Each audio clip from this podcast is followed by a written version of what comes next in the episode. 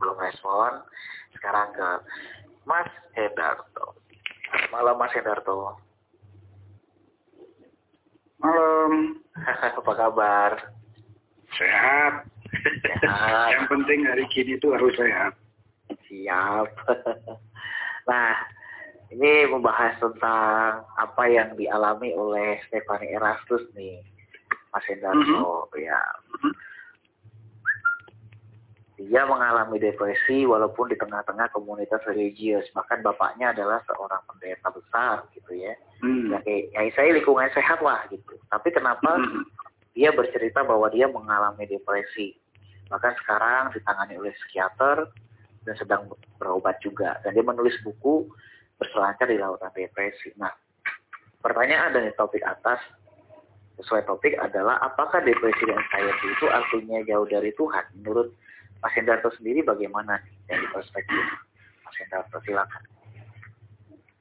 Bahwa orang-orang religius pun itu pasti akan mengalami depresi. Tinggal tingkat depresinya aja sejauh mana gitu ya. Karena depresi itu kan bisa disebabkan karena banyak hal.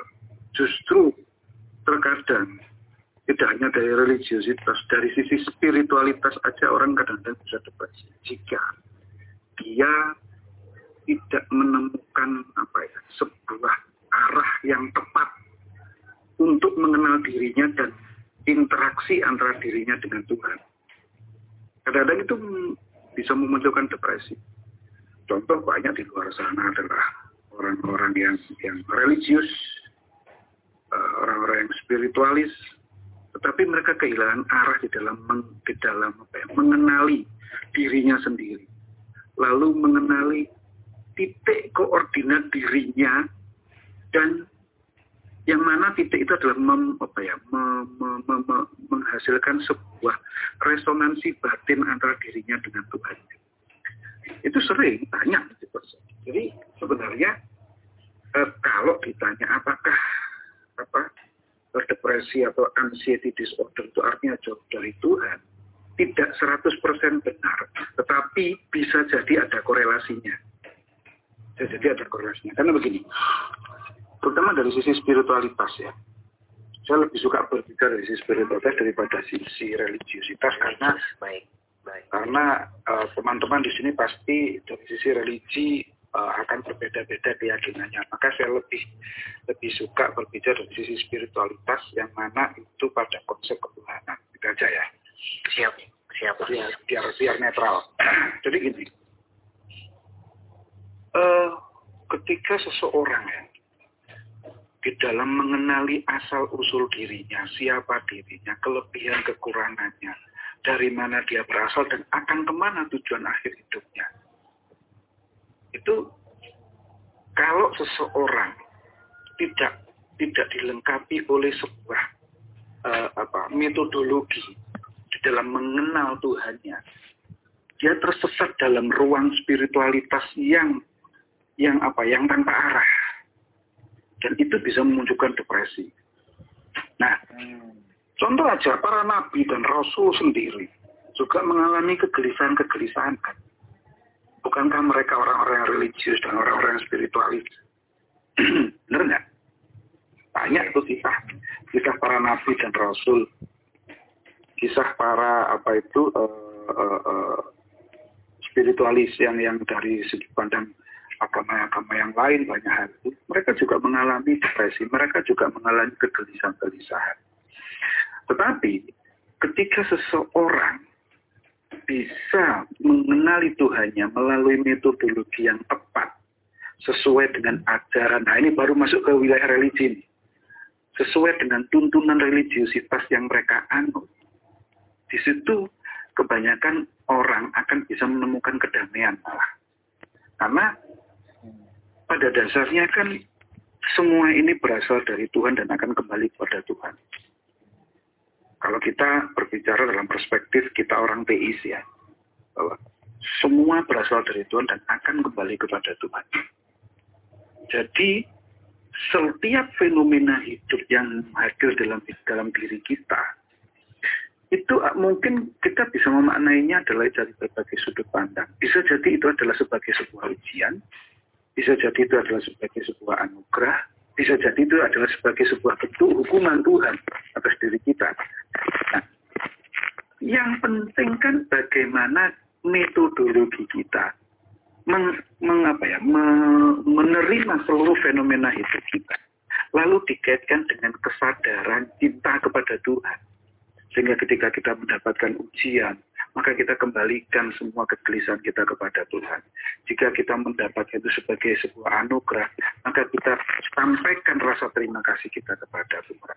Kalau itu sebagai sebuah ujian hidup, maka kita memohon pertolongan Tuhan. Kan kira-kira gitu. Iya. Sehingga ada sebuah konstelasi batin yang mengarah kepada kepada apa? Ya, kepada sebuah kedamaian, kedamaian hati karena sandarannya adalah sandaran ketuhanan, bukan yang lain. Nah ini ini ini adalah sebuah sisi spiritualitas yang mungkin eh, kadang-kadang kita lupa akan hal itu. Jadi kalau tadi pertanyaannya apakah orang spiritualis itu mengalami oh pasti pasti ada. Oke lagi saya sampaikan tadi bahkan Nabi dan Rasul pun juga mengalami kegelisahan-kegelisahan, mengalami apa ya kecemasan-kecemasan kan gitu. Nah, tinggal pengelolaan batin yang melalui metodologinya yang mereka tempuh lewat ajaran religi mereka lah sebagai penuntun arah menuju Tuhan. Kira-kira gitu lah. Wow, udah lo ini. Thank you loh Mas Inarto. Materinya. Iya, yeah, kita bicara spiritualitas ya, bukan hanya sekedar religiositas karena ya seperti yang Mas Indarto tadi sampaikan bahwa orang religius pun ternyata bisa mengalami depresi gitu. Dan tidak semua dikatakan lalu depresi lalu dikatakan jauh dari Tuhan belum tentu juga ya Mas ya gitu. Iya, tentu, belum tentu juga. juga. Bahkan gini, uh, gimana Mas? ada orang-orang yang malah lupa dengan Tuhannya. Dia diberi sebuah kenikmatan dunia sehingga dia berbahagia. Ada kan?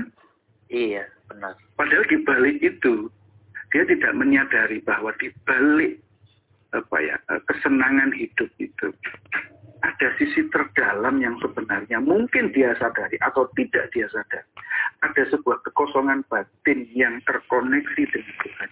Bisa jadi segala bentuk kekayaan adalah sebuah ujian, anugerah, atau sebuah hukuman Jangan dikira kekayaan tubuh tidak bisa bermakna hukuman. Bisa loh. Bisa. Dan kemiskinan itu juga bukan berupa hukuman. Jadi miskin itu adalah sebuah anugerah. Tergantung cara kita memandang setiap fenomena hidup kita itu melalui metodologi-metodologi yang kita tempuh. Biasanya alat penuntutnya adalah agama. Itu kira-kira mas. Baik, baik. Berarti uh, agama juga menjadi air besar untuk orang bisa healing juga ya mas ya. Uh, agama itu gini dalam hidup itu yang harus kita miliki kesadaran primer itu adalah kesadaran tentang berketuhanan. Bukan tentang agamanya tapi lebih bukan tentang agamanya Oh, baik. Betul. Iya, iya. Kesadaran berketuhanan. Setelah itu kesadaran tentang manusia dan kemanusiaan. Supaya apa? Kita mengenali diri kita sebagai manusia dan kita mengenali manusia lain di luar diri kita agar dalam interaksi sosial itu kita bisa memahami manusia dan memanusiakan manusia sesuai dengan nilai-nilai kemanusiaan yang seutuhnya.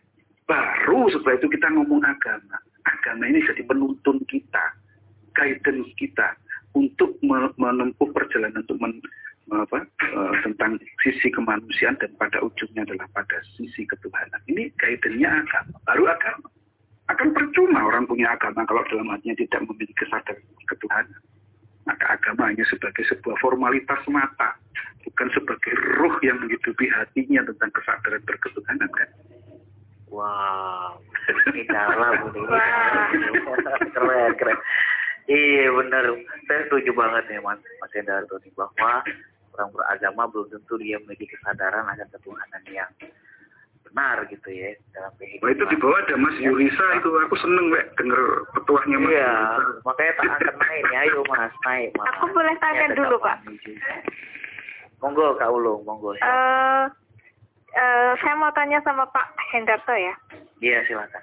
Waduh. Uh, uh, bagaimana sih Pak kita itu supaya uh, selalu berketuhanan gitu loh Pak, selalu berketuhanan sehingga bisa bisa sejalan di bawah di agama kita. Misalnya kalau saya Islam gitu Pak. Hmm. Makasih Pak. Eh, karena dirimu tadi bilang dirimu adalah penganut Islam, maka aku akan menjawabnya dari perspektif keislaman juga. Salah satu metode paling mudah adalah ingat enggak man arofa nafsahu fakot arofa robbah. Barang siapa yang mengenal dirinya akan mengenal Tuhan. Maka kenali dirimu dulu. Kenali dirimu sebagai manusia, kenali bakatmu, kenali kekurangan-kuranganmu, kelebihan-kelebihanmu, kenali dari mana asal usul. Kalau dari sisi biologis, uh, apa, uh, dari silsilah ya jelas kamu anaknya ibu bapakmu dari dari kakek nenekmu gitu ya. Tetapi bukan itu yang tak maksud tapi kenali asal usul. Ini ini berasal dari mana? Terus mau ke mana tujuan akhir hidup? Konsep innalillahi wa inna ilaihi rajiun. Ke sana. Semua dari, dari Tuhan akan kembali kepada Tuhan.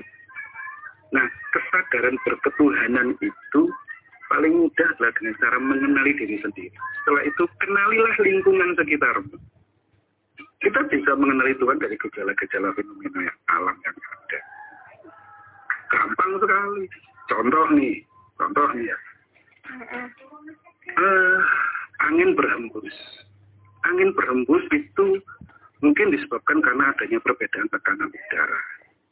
Adanya perbedaan tekanan udara karena adanya perbedaan suhu adanya perbedaan suhu karena adanya perbedaan apa macam-macam kan.